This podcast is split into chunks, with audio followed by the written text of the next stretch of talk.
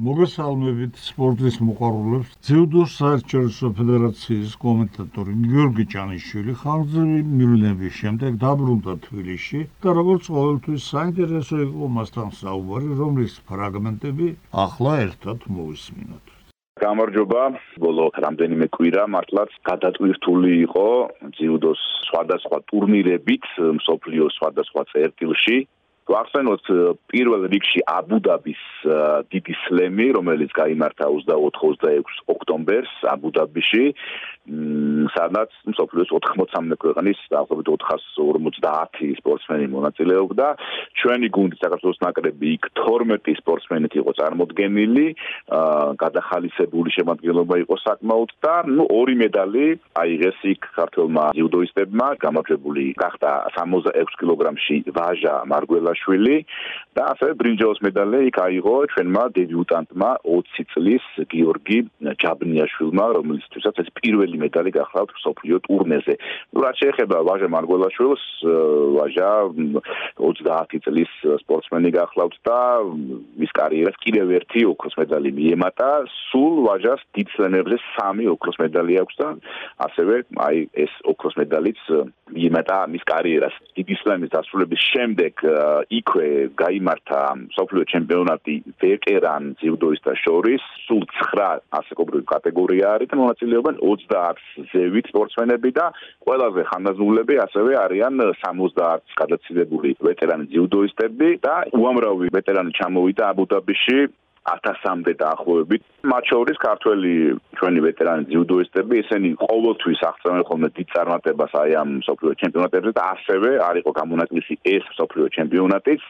ჯამში 7 ოქროს მედალი, დასტავარია ალექსი დავითაშვილი. ალექსი დავითაშვილი იცის ძიუდოს გულშემატკივარმა, მრავალგის ფალავანი გახლავთ ის, ყოფილი ძიუდოისტია და ასევე გახლავთ ძიუდოს კომენტატორი ალექსი დავითაშვილმა მის კარიერაში მეშვიდეთ მოიპოვა სოფლიო ჩემპიონის ტიტული ვეტერანების შორის და ბოლოს ევროპის ჩემპიონატი, რომელიც გაიმართა მონპელიეში 3-5 ნოემბერს, ისე მოხდა, რომ ქართველმა ძიუდოისტებმა იჭიდავეს 4 ფინალი, 4-ვე შემთხვევაში დაუმარცხდით ფინალში და ჯამში მოიპოვეთ 4 ვერცხლის მედალი, რაც ერთი მხრივ უნიკალური შედეგი არის, ანუ მსგავსი და აქამდე არ მომხდარა, რომ აი ესე ერთი მხრივ რა თქმა უნდა 4 მედალი არ არის ცუდი შედეგი, თუმცა 4-ვე ვერცხლი გულდასაწყვეტია რა თქმა უნდა, მოლოდინი იყო ოქროს მედლის ევროპის ჩემპიონატიდან სამწუხაროდ ესე არ მოხდა. ასევე საფრანგეთში მონპელიეში გამართა ევროპის ძიუდოს კავშირის წლის დაჯილდოების ცერემონია. დასახელდნენ 2022 წლის საუკეთესო ანუ გასული წლის საუკეთესო ძიუდოისტები და გათამაშდა სხვადასხვა პრიზები და ნომინაციები და აი აქ წლის საუკეთესო ძიუდოისტად საუბარია 2022 წლის ძიუდოისტად დასახელდა ტატო გრიგალაშვილი ჩვენი ორგზის სოფლიო და ევროპის ჩემპიონი და წლის საუკეთესო მწვრთნელად დასახელდა საქართველოს ნაკრების თავარი მწვრთნელი ლაშა უჯეჯიანი. ნაკრები ახლა მცირე შესვენების შემდეგ გაემგზავრება იაპონიაში, გამართება ერთობლივი შეკრებები და გუნდი შემდეგ მონაწილეობას მიიღებს 2-3 დეკემბერს დაგეგმილ ტოკიოს დიდ სლემზე, რომელიც ითვლება დამოგვირგვინებელ წლის შემაჯამებელ ტურნირად სოფლიო სერიაში. და ჩვენი გუნდი ძალზედ ძლიერი შემადგენლობით გაემგზავრება ტოკიოში და იბრძოლებს იაპონიის დედაქალაქში ტოკიოს დიდ სლემზე, რომელიც ასევე იწოდება როგორც ძიუდოს დამფუძნებლის და შემქმნელის, ასე შეიძლება ითქვას, ჯიგორო კანოს სახელობის ტურნირად, ასე რომ შემდეგი გაჩერება ახლა ტოკიო, ტოკიოს დიდი სლემი და უკვე შემდეგ ჩარტვებზე ჩვენ ვისაუბრებთ ტოკიოზე და იაპონიის დიდ სლემზე. დასასრულს უახლოვდება ფეხბურთის საქართველოს ეროვნული ჩემპიონატი. ჩვენი მომხილველი გიაცანავაკი სასტარტო ტურების მატჩებიდან ვარაუდობდა ბათუმის დინამოს ახალ წარმატებას და ჩემპიონის კიდევ ერთ ტიტულს. მივესალმები ჩვენს რადიო მსმენელებს და ლევანდელი საუბარი მინდა დავიწყო ეროვნული ჩემპიონატით.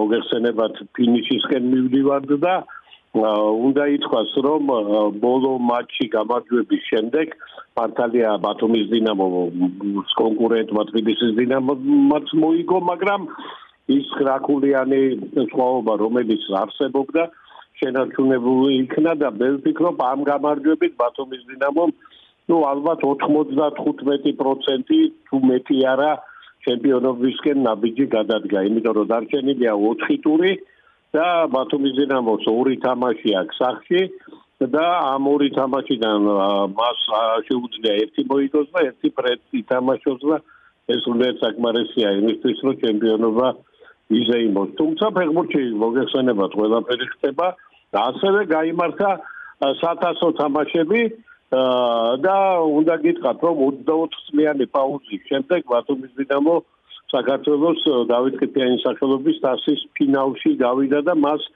საბურთალო დაუპირისპირდება. და აქაც ვფიქრობ საინტერესო სათასო ფინალი გველოდება, საბურთალო გაიგუდია, ძალიან გაიგუდია. თუ ბათუმის დინამოც არ არის ხელსამოსაკრავი და ნაკლები კლასის გუნდი და მე ვფიქრობ ღირსეული ფინალი გველოდება ჩვენ წინ და იმასაც ვიტყოდი რომ ბათუმის დინამოს აქვს შანსი თავისი კლუბის 100 წლის იუბილეზე შეასრულოს დუბლი და მოიგოს ჩემპიონობაც და მოიგოს საქართველოს თასი. ახლა გადავინაცვლოთ ევროპაში და აქაც მინდა 2-20 სიტყვა გითხრათ. მოგეხსენებათ ნაპოლი ეთამაშებოდა ბერლინის უნიონს, ბერლინის უნიონს საოცრად წარუმატებელი სერია ჰქონდა თამაშებისა, მან 12 თამაში წააგო ზედიზედ და თქვენ წარმოიდგინეთ ნეაპოლში იბრძოლა, იქიდავა ძალიან მაგრად და ну ერთ კლუბს დაგჯერდა ну ნეაპოლში ერთი კლუბის სამოგება ისეთი გუნდისთვის როგორც უნიონია და ისეთ პირობებში მყოფისთვის რომ 12 თამაში წაგება ეს ძალიან ბევრია და ჩემს მოგახსენებ ხოლმე და ხოლმე ვფიქრობ რომ ხუჩა უფრო უფრო დიდი ტოპ კლუბისათვის მზადაა და იგი აუცილებლად უკეთეს კლუბში და უკეთეს გუნდში უფრო უკეთესად ითამაშებს ამაში ერთი თუთით ეჭვი არ მეპარება მოგეხსენებათ გოჩოლეიშვილმა იქაც მინდა ორი სიტყვა თქვა შახტარმა ბარსელონა ზლია და აუდენ სასიხარულა როცა ჩვენი თანამემამულე ახალგაზრდა კაცი საუკეთესო ფეხბურთელად აღიარეს და როცა ასე ლაღადა ასე კარგად თამაშობს ისეთი გრანდის სინააღმდეგ როგორიც არის ბარსელონა ვფიქრობ რომ ეს ყველაფერი საბოლოოდ ჩვენს ნაკრებს სასიკეთოდ წაადგება დიაცამავას ნათქვამს დავამატებ დიდი ხნის სათქმელს.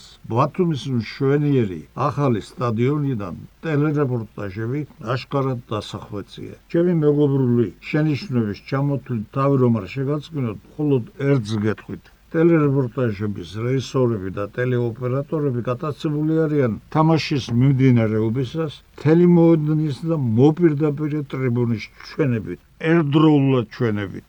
იშვიათადაა ტელეეკრანზე ფეხბურთელების ახლო ხედები, მომენტების გამეორების პრინციპის დასახვეწია და ასე შემდეგ. ცნობილ მოჭადრაკეს საერთაშორისო დიდოსტატ სალომე მელიას მოусმინეთ, რომელიც რამდენიმე დღეს წინ კვლავ აირჩიეს აჭარის ჭადრაკის ფედერაციის პრეზიდენტად.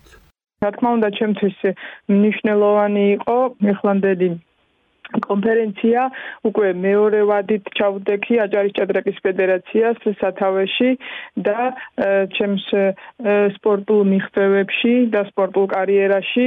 ეს არის ალბათ ერთ-ერთი მნიშვნელოვანი ეტაპი, რომელსაც აჭარაში ამ შემთხვევაში მივახციე როგორც ფედერაციის ხელმძღვანელი, როგორც იცით ბათუმში აშენდება ჭადრაკის სასახლე და ყველა იმედი სამომავლო გეგმები და სპორტის სახების განვითარება ამის ირგვლივ გვაქვს უკვე აწყობილი.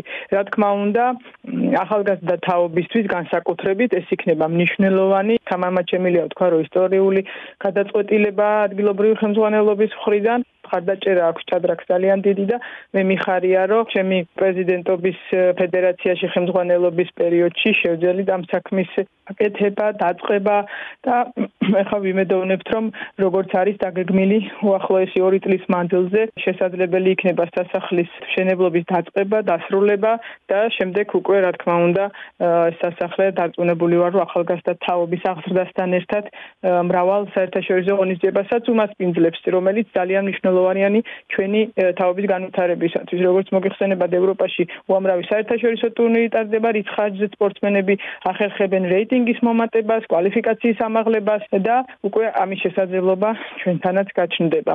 ამჟამად ვიმყოფებით თბილისში, ჩვენ დავასრულეთ საწვრთნო შეკრება ქალთა ეროვნულმა ნაკრებმა ახლა და მივემგზავრებით მონტენეგროში, ბუდვაში ქალთა ევროპის გუნდური ჩემპიონატის სათამაშოდ. ჩემთან ერთად იქნებიან ბელა ხოტენაშვილი, ლელა ჯავახიშვილი, მერი არაბიძე და ნინო ბაციაშვილი და ტურნირი გამართება 11 დღე 9 ტურად შვეიცარიული სისტემით. ჩვენ ამ ორგანიზებაზე არაერთი მედალი გვაქვს მოპოვებული, მაგრამ სინჯი იყო ბრინჯაო და ვერცხლი და ვიმედოვნებთ, რომ შევძლებთ მედლის მოპოვებას და სინჯის გაუმჯობესებას. დღევანდელი შეხვედრა ფარიგაობე დაამთავროთ. ჩვენს მოფარიგაებს ინტენსიური სეზონი აქვს, თქვენ იცით ამის შესახებ და ეს წელი კიდევ უფრო დაძაბულ წელში გადადის, დაძაბულ სეზონში. ოლიმპიური წელი გველოდება. საერთაშორისო კატეგorიის მსაჯი საფრიკაო აკადემია ბასას ერთ-ერთი დამაარსებელი დავით სახვაც. როგორც თქვენთვის ცნობილია, იწება პარიზის ოლიმპიური თამაშების საკვალიფიკაციო ტურნირები ფარიკაობაში, ასე ვთქვათ. პირველი მსოფლიო თასები და პირველი გრან-პრიები ჩატარდება ამ უქმეებზე.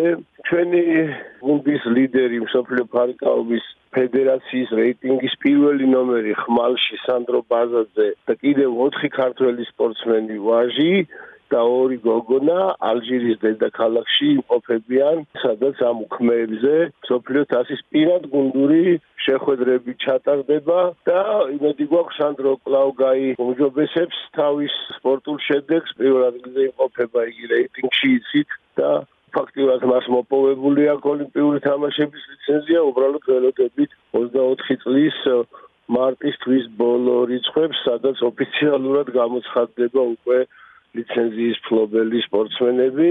მანამდე წინ 3 გრან-პრია, 5 მსოფლიო თასის ეტაპი და აი აქ თუ კი რამე შესაძლებელი იქნება, იმედია ჩვენი გუნდური შედეგი შეიძლება რაღაცა მოხდეს.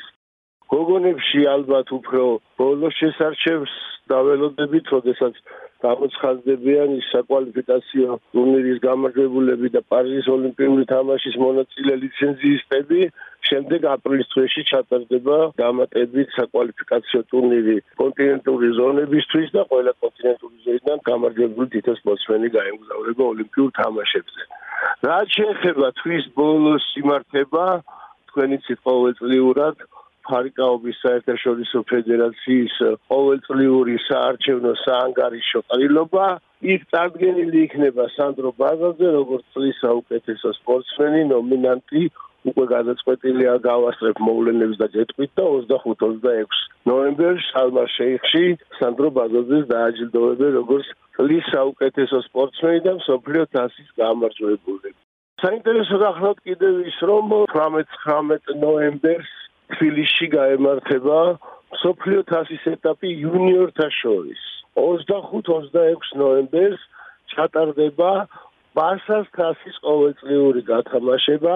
ეს გახლავთ უკვე მეორე ჩეტანილია ევროპის ფარიკაობის კონფედერაციის სპორტულ ღონისძიებათა კალენდარში და ჩვენ ცველოდებით საინტერესო სტუმრებს.